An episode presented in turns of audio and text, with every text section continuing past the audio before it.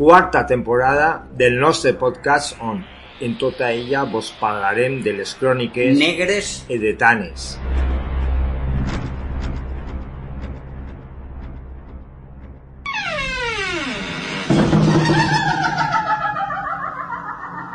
de manars i garrotades.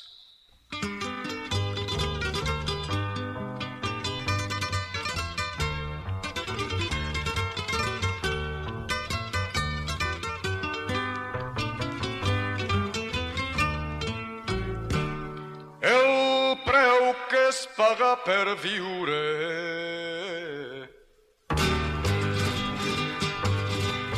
El preu que es paga per viure. Quan més pobre ix més car. Quan més ric el preu és lliure. Pots pagar o no pagar per pagar o no pagar. Quan més pobre ix més car. quarta temporada. Episodi segon. Programa 29 cròniques edetanes. Qui perdona certes coses Qui perdona certes coses. Té la vara del manar. I depèn de com et poses més o menys t'ha de pegar. Més o menys t'ha de pegar. Qui perdona certes coses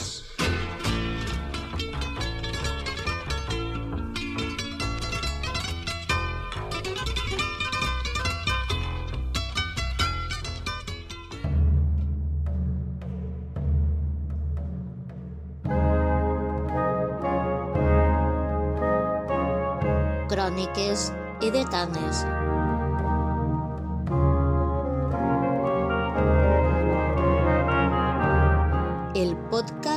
del Camp de Túria.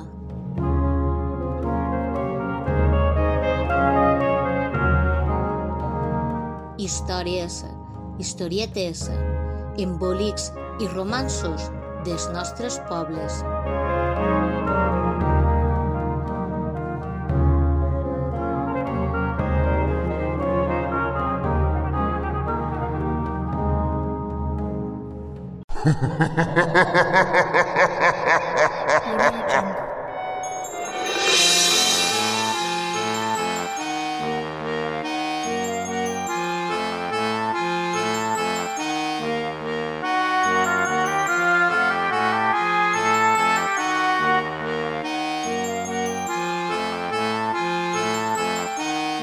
Successos i desgavells de pobles edetans. Un galliner de notícies. Crònica negra del segle XIX. Narracions i participació de Joan Belloc, Vicent Murgui, Enric Llopis i Vicent Gaudú. Treball de meroteca de Joan Belloc. Producció del podcast Vicent Gaudú.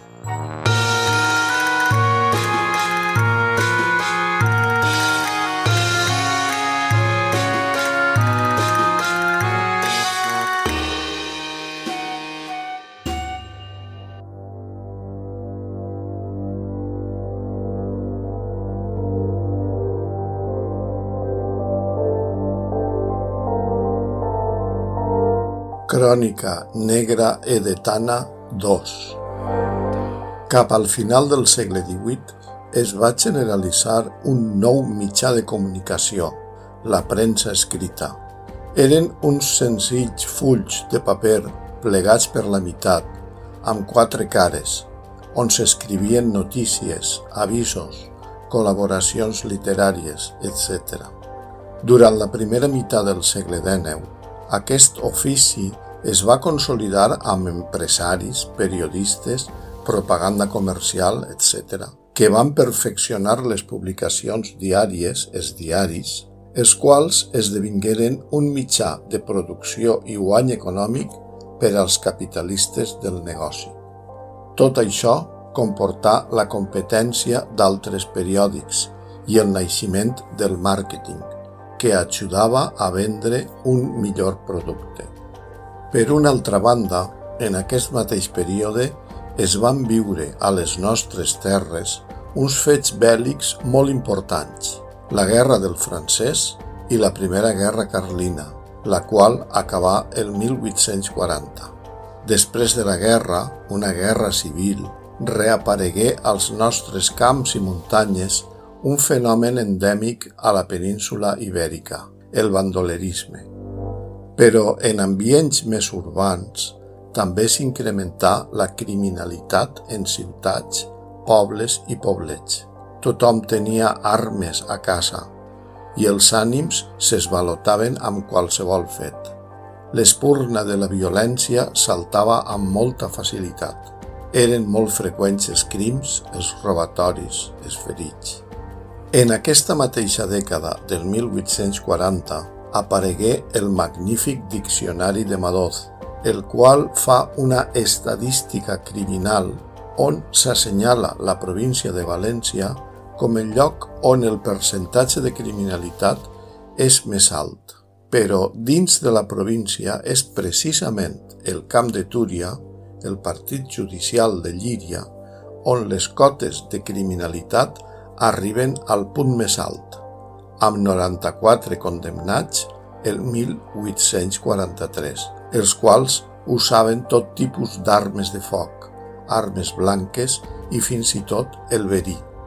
El diccionari posa de relleu l'especial acarnissament, astúcia i traïdoria dels criminals.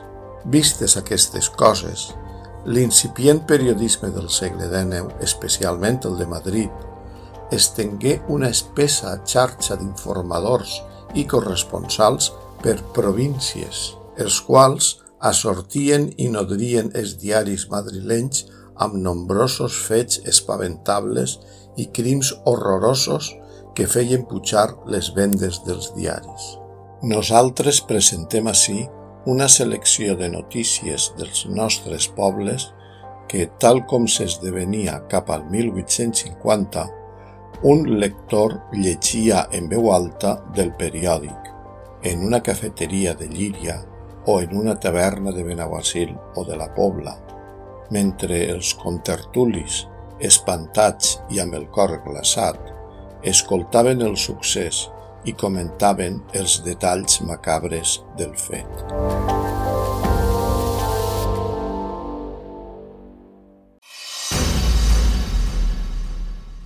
Tres de gener de 1844. Diari El Espectador. enfilant amb agulles l'amor y honor familiar. En Benaguacil ha ocurrido un suceso que ocupa la atención de aquel pueblo. Una joven tenía relaciones amorosas con Garrido. Otro amante despreciado se presentó una noche en casa de aquella, a una hora bastante avanzada. Acometiéndola con un palo, la golpeó en la cabeza, causándola varias contusiones, siete heridas y rompiéndola los dientes. A los gritos de la infeliz acudió su padre, y enterado del motivo de sus lamentos, arrebatado de la ira, tomó una, una aguja de alpargata y una hacha y marchó a casa del ofensor. Con el hacha trató de destrozar la puerta, y el posadero Roca, padre del ofensor, salió a saber la causa del ruido. Apenas abrió la puerta, fue atravesado con la aguja. A los gritos salieron dos hijos suyos, que igualmente fueron heridos. Acudió gente, y sin saberse cómo, resultó también herido el padre de Garrido. Los dos padres han muerto ya. Los novios han huido. Almenys els, els nòvios han pegat a fugir. Sí, i a, a més han deixat una bona, una bona notícia pels periodistes, per comentar els periodistes de Madrid. Sí, sí, perquè principis de 1844 és Sí. tot un guió d'una novel·la negra total. Sí, Amants, sí, és, germans... sí, nòvios eh, i, i sobretot sang i fetge, no? Molta sang i molt de fetge. I moltes en cal- calentes. Això que era ple hivern, perquè el mes de xiner, el mes de desembre, però, però segurament ni calenta ni res, és a dir, igual té, igual estaven de, de calents, segurament. Hi ha la morbositat, una ulla Clar, a més, d'alpargater. la, la, la, ho especifica, eh? La, les agulles saqueres, és una, una ulla que havia en els... Però això vol dir que el- el- l'home este era, seria... bueno, quasi tots els homes en Benaguasil tenien una ulla saquera perquè servia per a moltes coses, per arreglar els sacs. I el home pues, agarrava el primer que pescava. Bueno, sí, sí que se sabe lo de la agulla de alpagata, pero no se sabe cómo va, lo, cómo va a ser ferit el pare de Garrido. Atxa per el mig, sang calenta. I vés a saber. Eh? Cal veure que per un fet de violència masclista com un pare pot enfosquir la seva ment i reaccionar amb una agressivitat tan greu només per les lesions de la filla, sinó probablement també per l'honor de la família. 8 d'octubre de 1850. Periòdic El Clamor Público. Fira, festes i presons.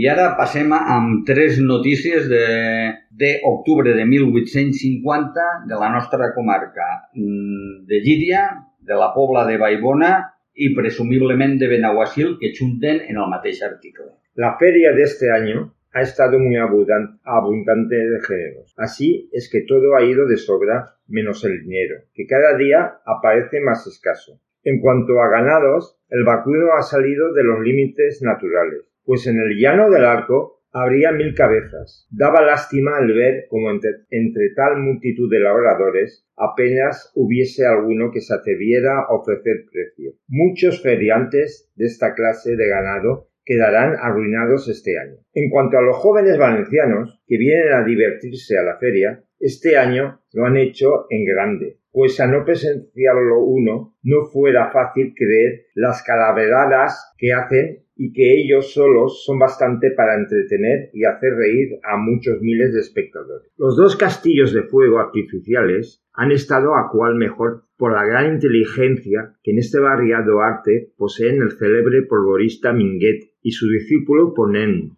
En las serenatas, el incomparable zainero Pastrana se ha cedido este año a sí mismo, y el público le ha aplaudido con frenético entusiasmo.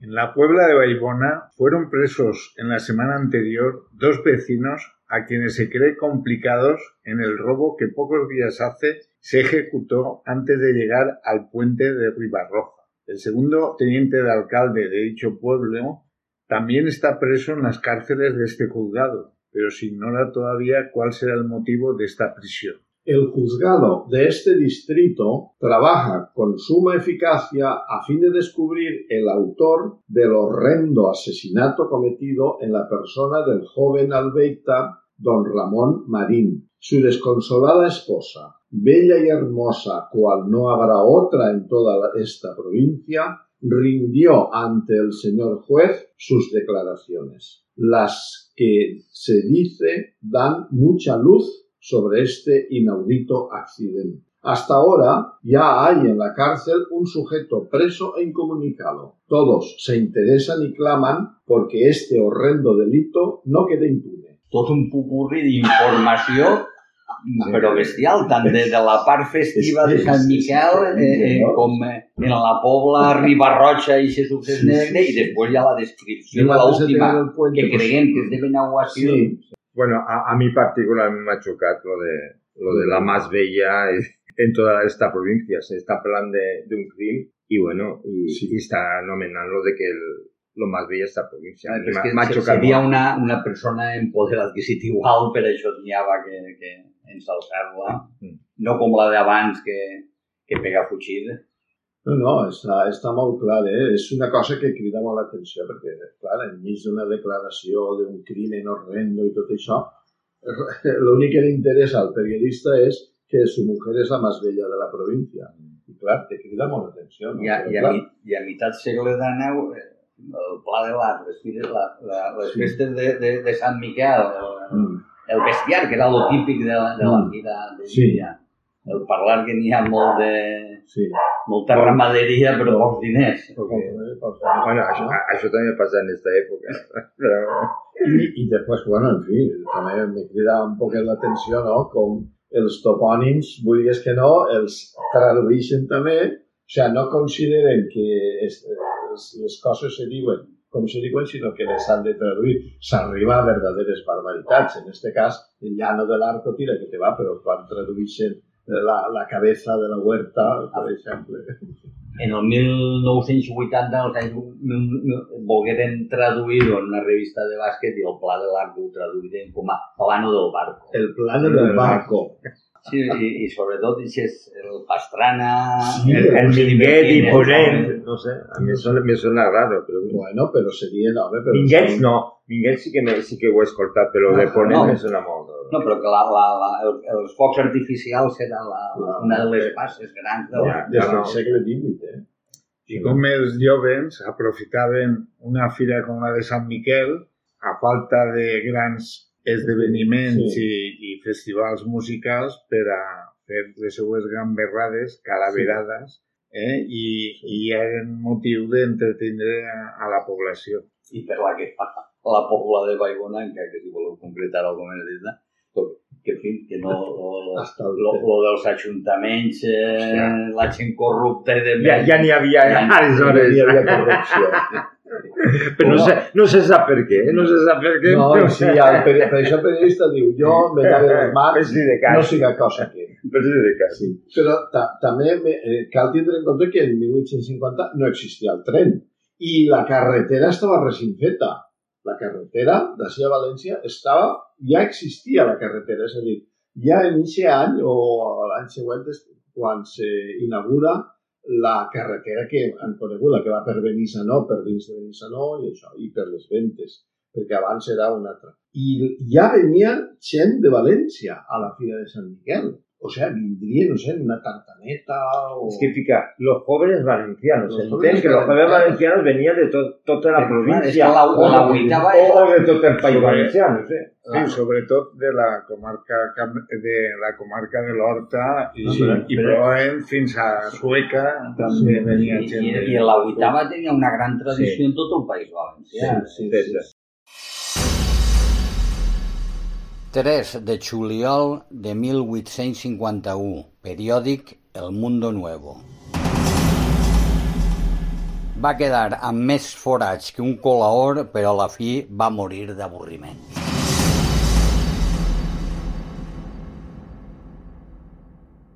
Nos escriben de Liria que Bautista Adrià, de aquella vecindad, fue acometido al anochecer del 26 del pasado en el término de Benaguacil por dos hombres con escopetas, al parecer guardas de campo, quienes le dispararon un tiro que le fracturó una pierna. Después lo llevaron en hombros a una casita abandonada del término de Liria, donde lo dejaron.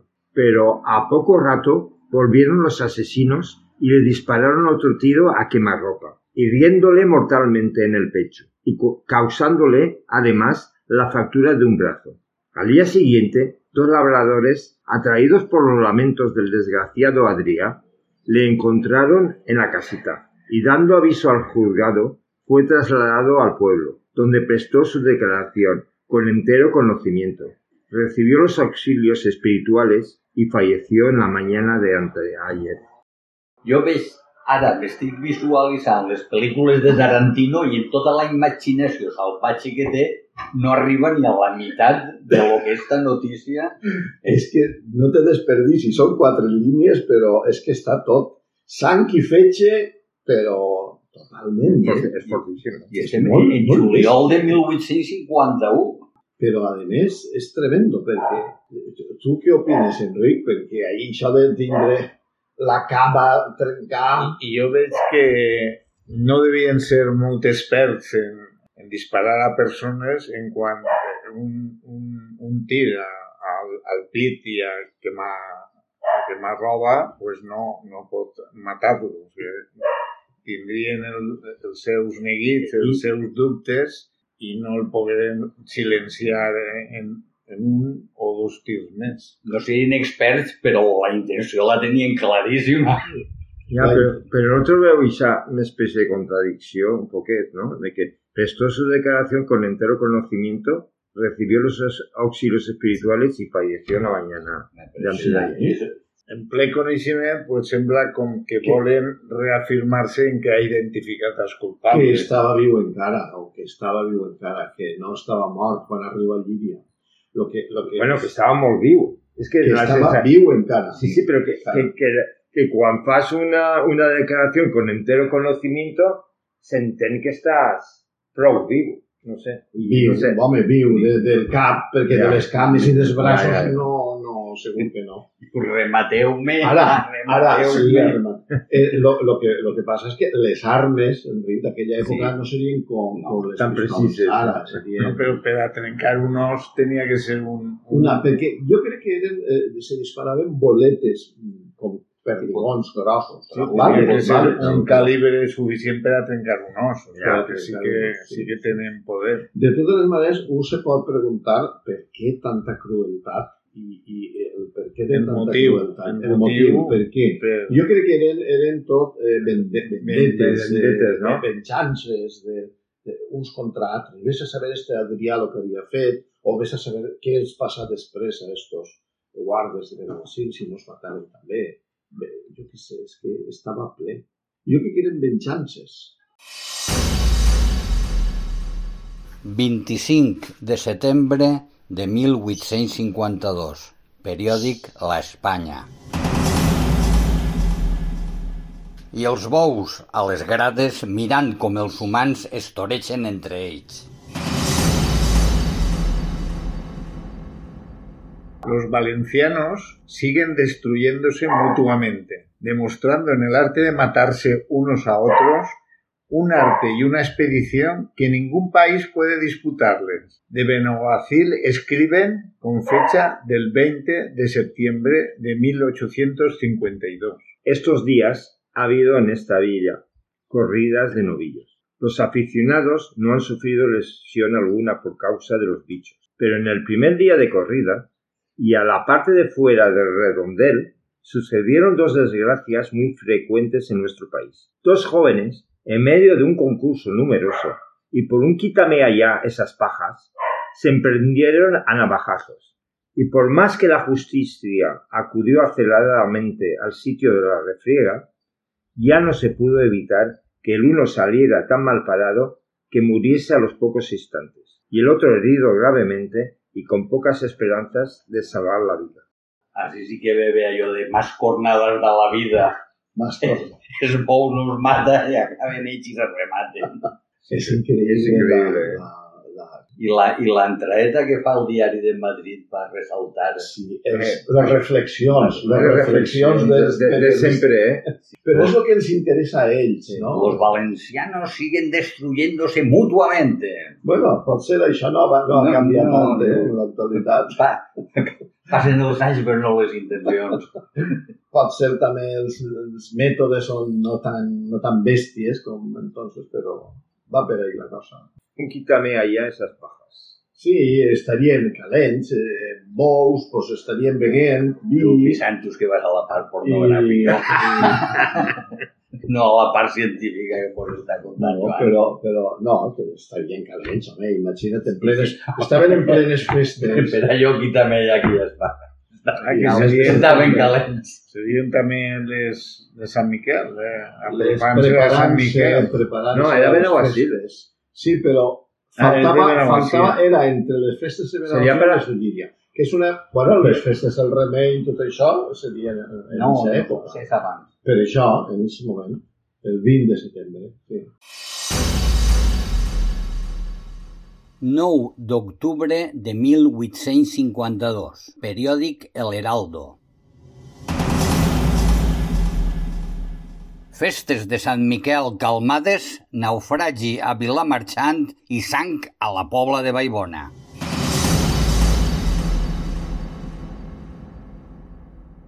Aunque sumamente escaso de noticias el correo de ayer, no por eso dejó de traernos su dosis de asesinatos, incendios y otros crímenes semejantes. Véase lo que dicen de Lidia, Valencia, el 4 de octubre de 1852. Por fin pasaron ya las fiestas de San Miguel, sin que haya que deplorar otra desgracia que una herida, al parecer de poca consideración, causada a un forastero a las altas horas de la noche del día 29, efecto probablemente de la bebida, lo que no es poca fortuna, atendido el mucho gentío y la clase de prójimos de que generalmente se, se compone.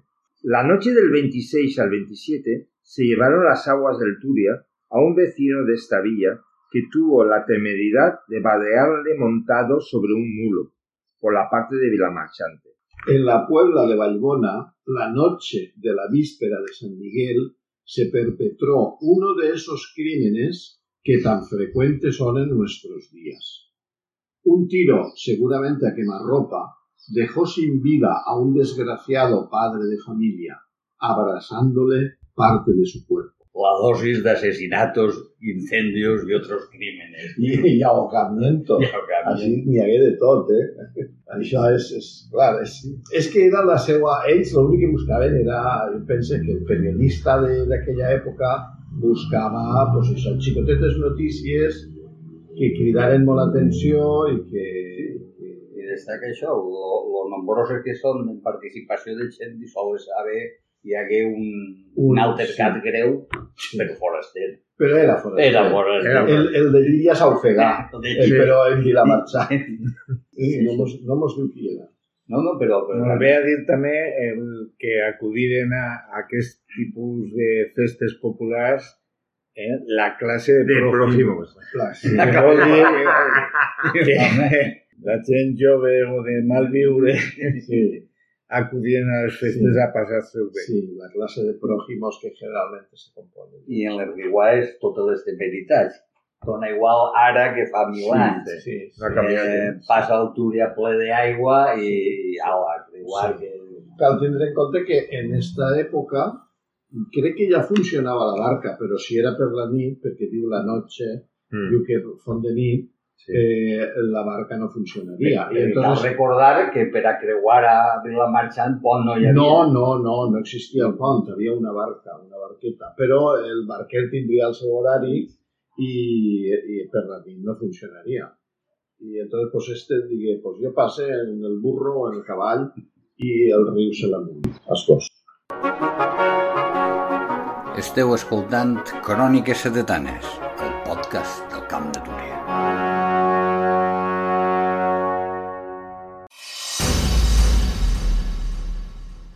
...25 de febrer de 1853, periòdic La Espanya. L'energúmena de Benissanó.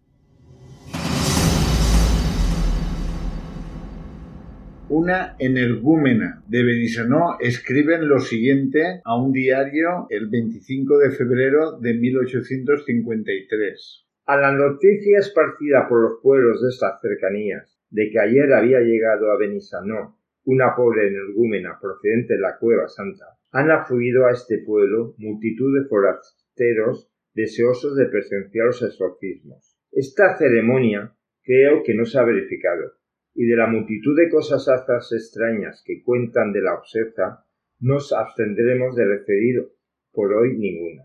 Lo cierto es que desde ayer estos labradores ya no se ocupan del resultado general de las elecciones, y sí solo de la joven energúmena. Mañana parece que sale de este pueblo con dirección a Valencia, aunque hemos oído afirmar que mañana se verificarán los exorcismos.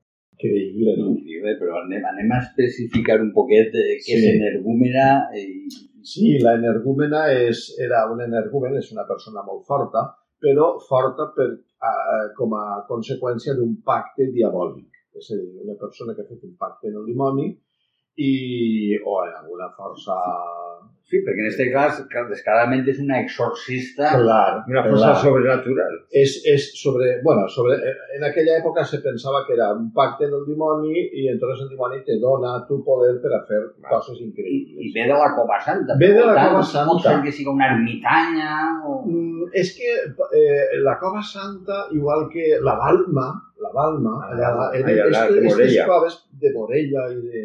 allà, eren llocs que, que una de les funcions era el, el, el curar a este tipus de, de, de endimoniats. Eren endimoniats, Probablement seria alguna persona amb alguna malaltia efectivament. neurològica o, Sí. o psiquiàtrica Sí.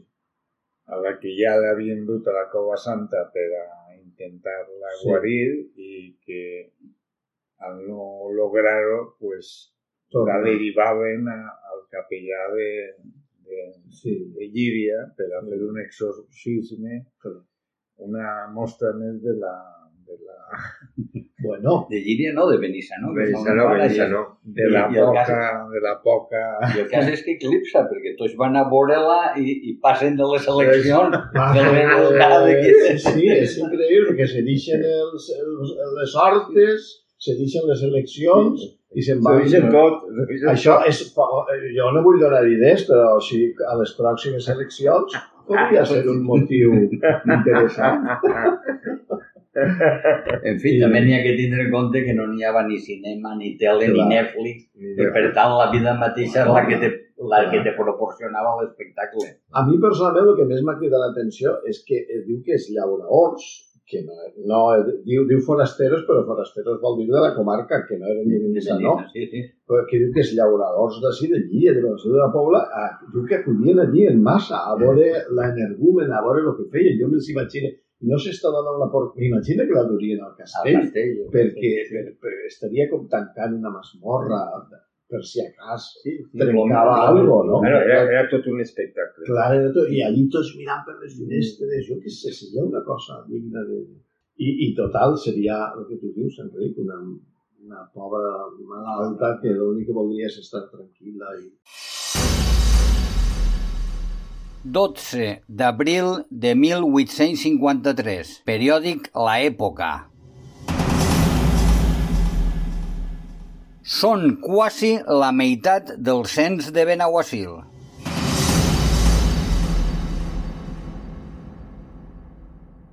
Según escriben de Benaguacil, en dicho pueblo existe una viuda de 83 años que tiene en la actualidad 32 nietos y 26 bisnietos, y un anciano de 85 con una nieta de 15 y una hija de 7 de su segundo matrimonio. Con dos familias de estos antecedentes hab- había de sobra para colonizar Sierra Morena. Però almenys ara ja no parlem ni de crims, ni de sang, ni de fetges, ni de energúmenes. Almenys. Una notícia de societat. Sea, Una en notícia de- aquella època una, una vida de 83 anys és com si tingueres 120 anys ara, no? Bueno, a mi ara això també m'ho sembla, eh? Que, entonces la gent que arribava major també arribava Sí? a major, clar, clar que sí. El que passa és que també teniu la idea de que és veritat que morien barbaritats de xiquets, o sigui, de, de, dels xiquets que naixien, el percentatge de morts era molt alt, altíssim, així com avui no n'hi ha. Però, però de vells, mm, els que arribaven a vells, Un anciano de 85 con una hija de 7. ara 32 Això, això xoc, Als, xocant. als, als 78 anys va ser pare. Avui en dia els programes de televisió se'l rifarien. La hija de siete será de la, la, la bisnieta. No, no, de su Ah, no, segundo de su segundo matrimonio. matrimonio, Ah, claro, claro. Señor. Sí. I per què lo que colonitzar Sierra Morena? Això aquí s'han de... Sí, això és, això és molt senzill. És que eh, feia, és que t'has de situar en 1853. Feia 100 anys o, o menys, en temps de Carles III, feia, no feia 100 anys, feia menys. Sierra Morena estava completament buida, no, no havia. I estava, era una zona despoblada, perquè des dels moriscos s'havia despoblat de Pense i allò estava buit. I llavors Carles III s'emperrà en, en repoblar Sierra Morena i se van crear molts pobles i dugué gent d'Alemanya i tot, dugué alemanys i tot a, però s'agarraren com una necessitat molt gran el, el recuperar Sierra Morena. I això se queda segurament en la mentalitat de la gent i dient, ala pues, vamos a colonizar Pues Sierra això Morena. a, al revés que ara, que és un despoblament, ahí estan Exacte, poblament. exacte. Bus, buscant alemanys i que n'haver endut una parella de, de Benaguasil, Sí, de, de la Baibona, haver Ah, endut suficient. això és el que diu així. Va més gent que en Manhattan. 15 d'abril de 1865. La correspondència d'Espanya. Confirmat, Matusalem era de Benaguasil.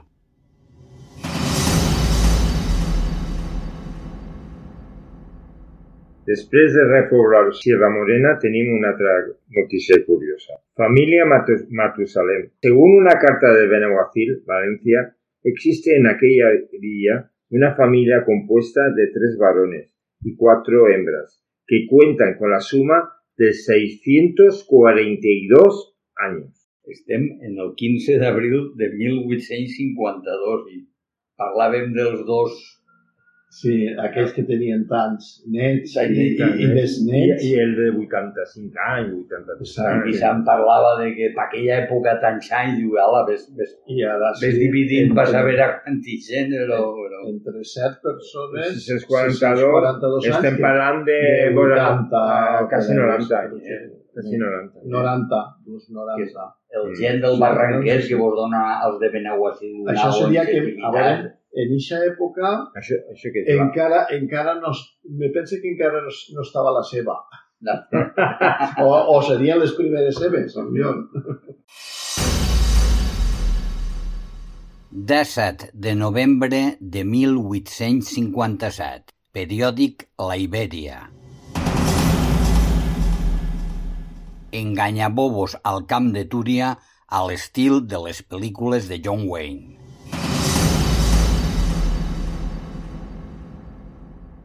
Dicen de Benaguacil que no a mucho se presentó en esta villa un sacamuelas que ejercía su oficio a caballo y que llamándose oculista hizo creer a un infeliz miope que tenía medios hábiles para curarle.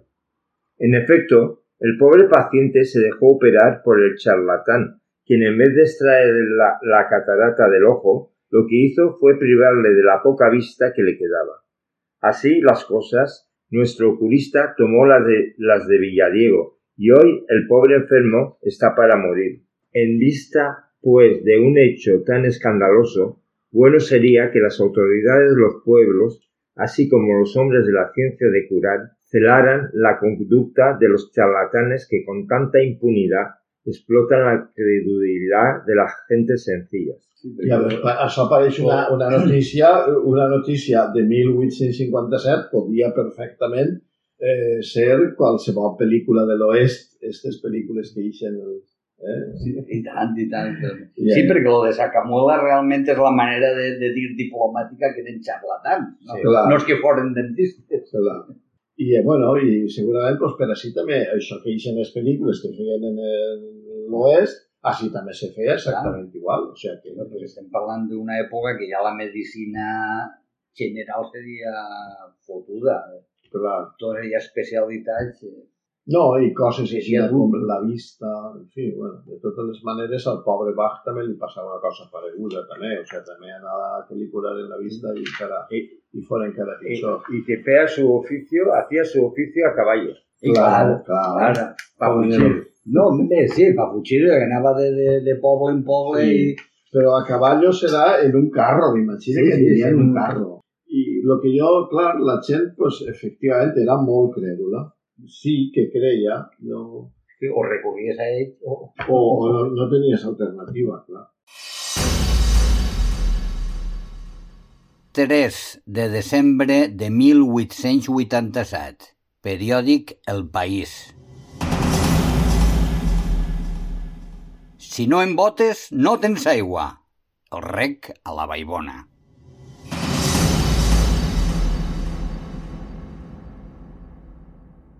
Hace dos o tres días dijimos, tomándolo de los periódicos de Valencia, que el alcalde de Benaguacil había impedido regar a los terratenientes que no le habían dado sus votos. surgiendo un conflicto entre la Puebla y Benaguacil. He aquí lo que ha ocurrido el miércoles, según el Mercantil Valenciano del jueves 3 de diciembre de 1887. Un crimen por riegos. Desgraciadamente, aquel conflicto ha tenido un término sangriento. Ayer fue asesinado el síndico de la acequia de Benaguacil al salir del pueblo y herido uno de los que le acompañaban. Parece ser que el disgusto partía de cuestiones entre el citado pueblo y la Puebla, por creer los regantes de ese último pueblo que tenían ciertos derechos y sostener el alcalde de Benaguacil y el síndico de la acequia lo contrario. Agriada la cuestión por actos de los vecinos de la Puebla, que aquel alcalde cree abusivos, tomó las medidas de que nos ocupábamos en el, en el suelo del martes, y cuando ayer iba a girar una visita a la acequia al síndico, sufrió tres disparos que produjeron la catástrofe referida. Según noticias, el hecho ha sido tan escandaloso y tan público que se conoce a los autores, aunque no estén todavía en poder de la Guardia Civil, pero se confía en prenderlos y en el que el peso de la ley caerá sobre ellos, sin que les valgan protectores. Ya ve el señor Polanco cómo es preciso estar siempre al tanto de lo que pasa en los pueblos y ser inexorable con toda suerte de caciquismos sin contemporizaciones que suelen ser funestas. No queremos citar nombres propios porque con lo dicho basta para que el gobernador nos entienda. El caciquisme, adés, abans, per desgràcia... Jo entenc que el senyor Polanco és el gobernador El que passa és que jo no sé exactament la notícia esta. Mm, jo penso que, com hem vist en altres notícies, els periodistes el que feien era tractar de subratllar els fets més, més cridaners. Perquè així n'hi han dues qüestions que no té res a veure l'una amb l'altra. Una és, com diu, el caciquisme, que és una història, alcaldes que si no me votes no te deixes regar, i una cosa completament distinta és els problemes de rec entre Benaus i la Pobla, que no té res a veure el caciquisme, sinó en, en, en el que és el repartiment de l'aigua. No? Entonces, així està més clar, d'una manera que no saps mai si... Això no, no està gens clar. I està clar que el que ho escriu això ho escriu perquè li llisca el governador. Sí, sí, sí, va la... directament. Sí, va, està escrit perquè el governador eh, no sé, o envie guàrdies civils o, o alguna cosa així, però és una cosa que m'ha cridat l'atenció. Ja ve el senyor Polanco, és a dir, el governador. No? Sí, sí, sí, jo entenc que és el governador. 24 d'abril de 1859. Diari La Ibèria. La solidaritat dels pobles edetans davant la tragèdia.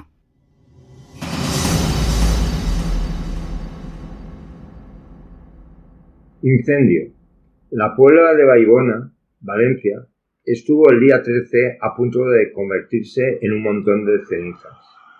Incendiada una casa, el fuerte viento que a la sazón reinaba arrojó por toda la población materias inflamadas y simultáneamente estalló el incendio en once casas más. Los habitantes de los pueblos inmediatos acudieron al auxilio de sus convecinos, los de la Puebla, y después de muchas horas de esfuerzo inmensos en que la negación se llevó hasta la heroicidad, se logró dominar el fuego sin que ocurriera desgracia personal alguna. Chema, a saber eso como el incendio de San Francisco aquell, no? Sí, sí. Sí, per acabar este no, del programa especial de sí almenys esta notícia és positiva. Eh, per això, això anava a dir. És negativa, eh, però positiva. Eh, sí, sí, jo la veig positiva de, de sí, que, sí, per almenys... Sí. Eh, sí, és la solidaritat. La solidaritat. Eh, és a dir, Benaguasil i la Pobla estan ahí matant-se per sí. l'aigua, però quan ve el moment de, de solidaritzar-se uns veïns en la Igual, igual en aquest fet neix que tenen la vocació fallera dels dos pobles. Però és, és curiós, eh? Perquè, perquè la, clar, la Pobla en aquell moment eren, eren quatre carrers, quatre carrers de, de, de baix. I efectivament, si feia molt d'aire i, i s'havia pegat foc en una casa més o més per mig del poble, doncs és, segons com estiguera, doncs clar, anaven cremant-se una darrere de l'altra. 11 ne portaven ja, o sigui que ja... Mm. No era com Llíria, com era, o sigui, que, que n'hi ha carrers que pugen, carrers que baixen, ahir estaven tots a pilotonar ells i això. I la solidaritat comarcal, que ahir pues, funciona. Fent comarca, fent. Ells ja. sí que feien comarca. I en aquesta notícia positiva, en el fons, pues, acabem eh, este galliner de notícies, la primera part, que esperem eh, fer una segona i inclús una tercera part en més fets, més esdeveniments i més embòlics de, dels nostres pobles. Dels nostres pobles de tants.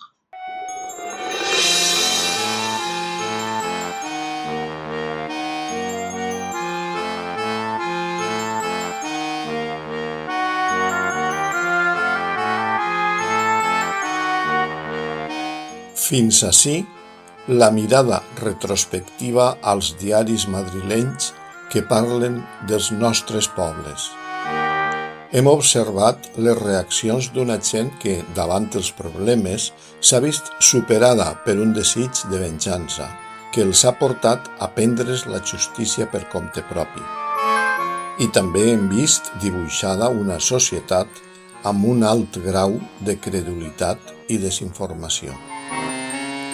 Per una altra banda, els periòdics ens han informat de les festes, dels bous de carrer i de la Fira de Sant Miquel, amb els ramaders del Pla de l'Arc, els focs artificials i la música popular del Gran Pastrana. I on trobem a faltar, per cert, les grans bandes de música que en aquells anys estaven encara en un estadi embrionari i que avui són un element imprescindible en les festes de setembre. Tot plegat representa una mirada retrospectiva que, sense dubte, ens ajuda a comprendre millor el present.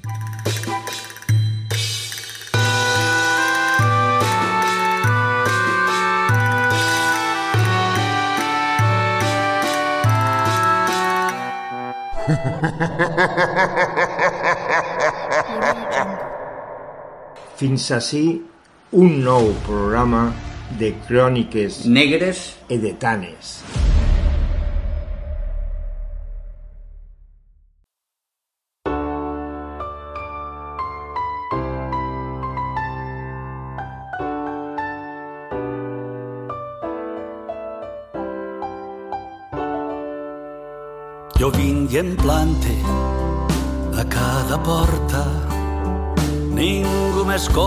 M'escolta al prec silent. Jo truque i ningú no em veu perquè sóc mort, perquè sóc mort.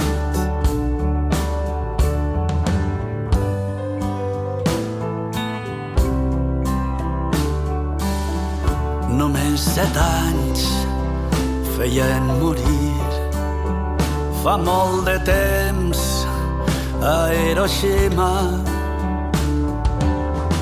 Ara en tinc set com aquell dia perquè els nens morts no creixen més. Perquè els nens morts no creixen més.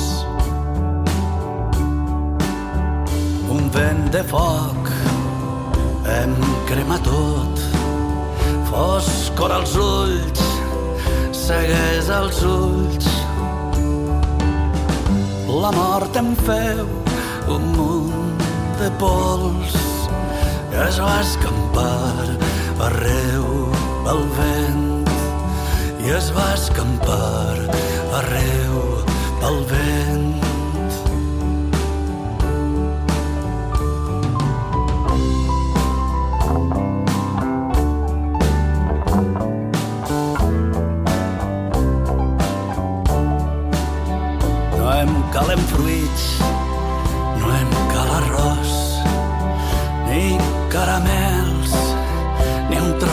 Pa. Jo no demane res per mi, perquè sóc mort, perquè sóc mort, perquè sóc mort, perquè sóc mort. Només demane per la pau. Lluitem avui, lluitem avui, perquè els xiquets del món sencer puguen pujar, riure i jugar, puguen pujar, riure i jugar. Només demane per la pau, lluitem avui, lluitem avui, perquè els xiquets del món sencer puguen pujar, riure i jugar, puguen pujar, riure i jugar, puguen pujar.